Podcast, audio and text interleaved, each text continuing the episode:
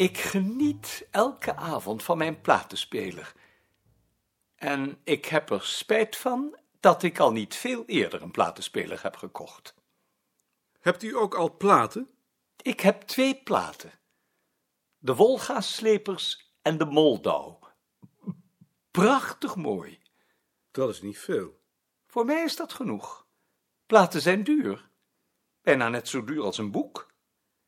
En ik kan hier iedere avond opnieuw naar luisteren. Het ontroert me. Muziek ontroert me. Meer nog soms dan een gedicht. Behalve Henriette Roland Holst dan natuurlijk. En Boutens? En Boutens.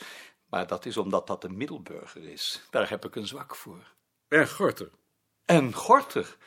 Hoe kon ik het vergeten? Op zijn reis zag ik zijn vleugelslag vanuit het reis, mijn wiegerkamer. Nog weet ik het wel.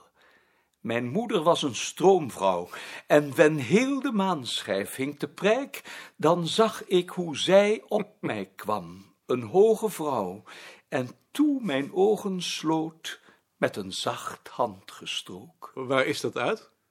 Uit mij? Jij bent toch Neerlandicus? Je hoorde dat uit je hoofd te kennen. Ik ken niets uit mijn hoofd. Hoe zouden we toch aan Klaas Vaak komen? Zou die ook iets met kabouters te maken hebben?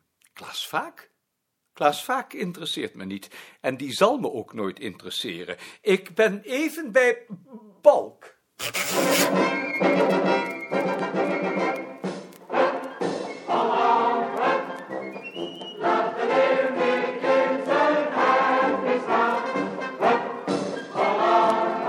Even zo goed hebben ze me onlangs in een veteranenwedstrijd nog voor Abe gescholden. Het was tegen VVA. Nog ongeslagen. Vorige keer hadden ze met 1-0 van ons gewonnen. Speelde ik niet mee. Gewonnen? Met 5-1. En hoeveel goals? Twee. En een, en een derde was nog indirect door mij. Ik krijg de bal hoog in het strafschopgebied. Ik loop op de keeper en die bek werd toen zenuwachtig. Dat die kopte hem in zijn eigen doel. Anders had ik hem nog wel gezet. Want dat is gek, maar voor doel heb ik nog nooit een bal gemist. Dat kunnen we niet veel zeggen. Keihard schot, hè? Niet zozeer omdat ik zo hard schiet, maar het ligt eraan hoe je die bal op je schoen neemt. Die tweede goal, dat was een juweeltje, jongen. Ik neem die bal in het strafschopgebied en die bek loopt het doel in. Keeper had ik al gepasseerd en ik prik die bal even naar achteren en schiet dan. Had je niet op gerekend natuurlijk. Eén keer had ik het gehad. Maar dan moet ik er wel even bij zeggen dat we de wind mee hadden. Eerlijk is eerlijk. We hadden dus de wind mee en ik was spil. En ik krijg die bal op de rand van het strafschopgebied. En ik wacht niet, maar ik schiet meteen door, man. Op hetzelfde ogenblik hoor ik de planken. Zo hard was dat schot. In die tijd had je nog van die planken achter de kool. Zie je nou niet meer. Strafschop zat er ook altijd in, hè. Eén keer zaten we in de finale van een bekerwedstrijd. Zo'n zo grote zilveren beker, stand 3-3. En vlak voor het eind, ik denk al, dat wordt verlengen. En ik pak die bal overal dwars doorheen. En net in het strafschopgebied tackelt die bek me. En ik ga vier, vijf keer over de kop en meteen een fluitje. Ik denk, haha, dat is weer te stippen. Die keeper vraagt, wie neemt hem? Ik zeg, uh, ik neem hem wel even. En hij strapt zijn broek op. En ik ga met mijn rug naar het doel staan. En die scheidsrechter doet zijn fluitje naar zijn mond. En die bal ligt achter de keeper. Hij had hem niet eens gezien. 4-3. Ik zeg je, koning, als ik nu weer in training ging, zouden ze me zo opstellen. Heb je eigenlijk nooit in een grote club gespeeld? Genoeg aanbiedingen gehad, maar nooit op ingegaan. Ajax had toen van die spionnen. Hebben ze nog trouwens. En DWS en Blauw-Wit ook. En als ze me dan zagen spelen, was het prompt na de wedstrijd raak. Want ik was aalvlug, hè. Als er om een bal gelopen moest worden, had ik hem in 9 van de 10 gevallen. Dat is nou niet om op te scheppen, maar dat was gewoon zo. Natuurlijk. Ik heb ook veel buiten gestaan. Maar even zo goed maakte ik kools, hoor. Dat was een andere tijd. Toen maakten de buitenspelers nog geen kools. Dat deden de voor en de binnenspelers. Maar even zo goed stond ik nummer drie toen ze een keer aan het tellen gingen. Eén keer. Toen speelden mijn broers ook nog mee. Mijn oudste broer stond in de kool, de andere links en ik rechts buiten. En mijn oudste broer krijgt die bal. En hij trapte meteen naar mijn andere broer. Die langs het lijntje en ineens voor de kool. En ik was al naar binnen geswenkt. Dat deed ik toch altijd, want ik dacht, als er een kool voor mij te maken valt, dan pik ik hem. En laat nou iedereen missen. En ik ook bijna. Maar ik maak een omhaal. En dan moet ik eerlijk zeggen dat het was niet mijn bedoeling om een kool te maken. Maar ik maak een omhaal en ik schiet die bal zo scherp dat hij precies in het hoekje gaat. Goal! Bal is terechtgekomen. Eerst bij eh Rijvers, toen bij Van der Kuil. Dan gaat Van der Kuil nog snel alleen vandoor. Weer Rijvers. Dan een bal bij Abe, dan weer Van der Kuil. Bij Abe, dan komt Abe alleen vandoor. Abe een kruisje. Ja! Abe heeft gelijk gemaakt. De stand is 1-1.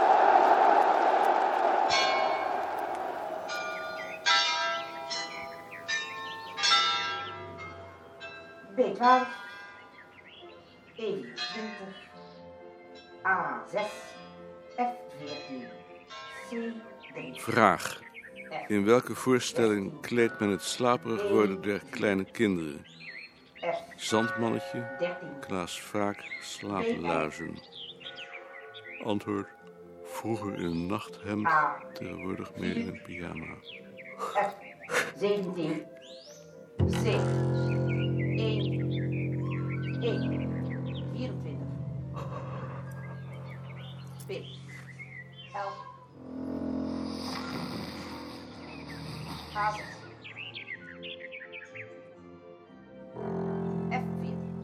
Hij droomde dat hij in een zaal zat, in een groot gebouw. Het was middag. C3, Plotseling ging de deur open en kwamen er vier dronken soldaten binnen.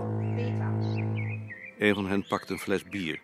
Hij strekte zijn hand uit om hem tegen te houden, maar de soldaat had de fles al aan zijn mond gezet. E10, Domme, zei kwaad en wees naar zijn glas om duidelijk te maken dat hij zelf bijna niets meer had. De soldaat pakte het glas en sloeg het achterover. De andere soldaten waren gaan zitten en stompten elkaar brullend van het lachen. Hij stond op en liep de zaal uit om hulp te halen. De gangen waren verlaten. Er waren grote ramen waardoor hij op de straat keek. Op straat was het beangstigend stil. Voor hem uit verdween een kale man in een gele stofjas door twee klapdeuren. Bij het omslaan van een hoek zag hij in de hal een vijfde soldaat in een lichtbruin leren jek. Hij zat op een motor waarvan hij de uitlaat liet knallen. De voordeur was gesloten. Buiten, voor de ruit in de deur, stonden mensen die naar binnen keken. De soldaat was zo verdiept in zijn motor dat hij hem niet opmerkte. Hij ging de loge van de conciërge in. De conciërge, zijn vrouw en twee van zijn kinderen lagen onbeweeglijk op hun buik op de tafel. Hun armen en benen waren met zwarte veters zo strak vastgebonden dat hun lichamen kromgetrokken waren. Hij wilde naar hen toe lopen om de veters door te snijden. Op dat ogenblik zag hij in een hoek, in een hoop bloederige vodden, het derde kind liggen.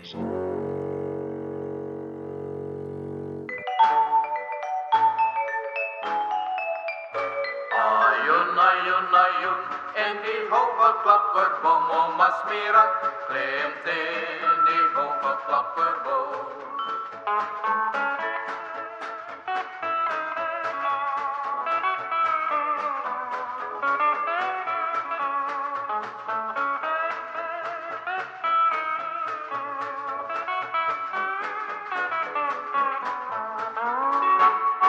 Van die commissies en vergaderingen word ik stapelgek. Dan zit ik ergens en dan weet ik niet meer waarom ik daar zit. Maar het geeft u wel een alibi. Hoe bedoel je dat? Als u daar bent, kunt u niet iets anders doen. Dat zit nog. In ieder geval brengt het een hoop werk met zich mee. Een hoop werk. Nu hebben ze me weer gevraagd om een vragenlijst voor de Europese atlas te maken. En ik heb het al zo druk. Dan vertaalt u gewoon een van onze eigen vragenlijsten. Ik denk dat ik dat maar doe. Hier is de nieuwe kracht. Frans Veen, Beerta. aangenaam. Dag meneer. Dag meneer. Je bent onderwijzer geweest, Ja meneer. maar je kon geen orde houden, heb ik gehoord. Nee, ik kon geen orde houden. Ik kon ook geen orde houden. Het was bij mij een bende. Bij mij was het ook een bende. Maar hier hoef je geen orde te houden. Als je maar op tijd bent. Ben je nauwkeurig? Niet zo erg.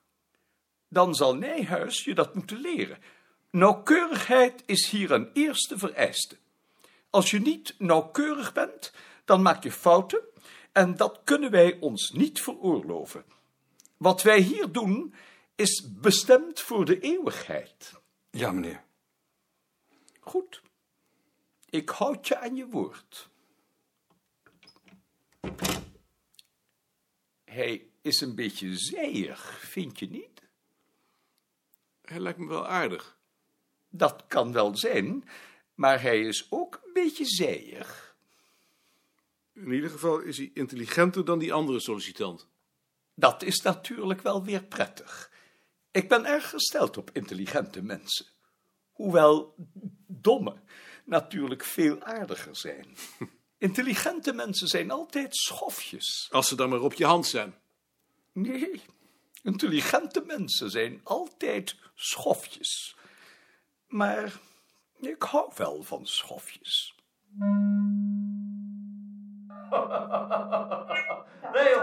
Nee joh, nee joh. Kijk eens, op hier. Dit is, dit is rood. Druk je aan. Ben ik dan? Nee. Ik denk dat juffrouw Haan haar bandrecorder heeft gekregen. Zeg jij nou ook eens wat? Nee, nee, ik zeg niets. Het staat er al op. Staat het er al op? Maar dat Zeg is... jij nou ook eens wat? Nee, nee, ik zeg niets. Het is een uitvinding van de duivel. Ik vind het maar griezelig. Ik ben blij dat ik daarmee niet hoef te werken. En ik hoop maar dat jij niet ook zo'n ding wil hebben straks. Want dat zou ik geloof ik niet overleven. Heb jij Pater Kambach nog gekend? Nee.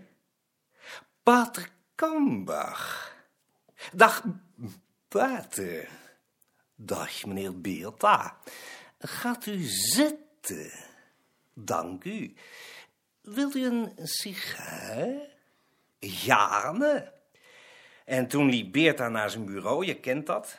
Haalde er een doos sigaren uit, Elisabeth Bas, omdat ze zo op zijn moeder lijkt, maar dat terzijde, van die grote sigaren.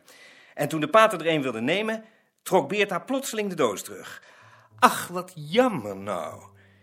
Ik bedenk nu pas dat het vastentijd is.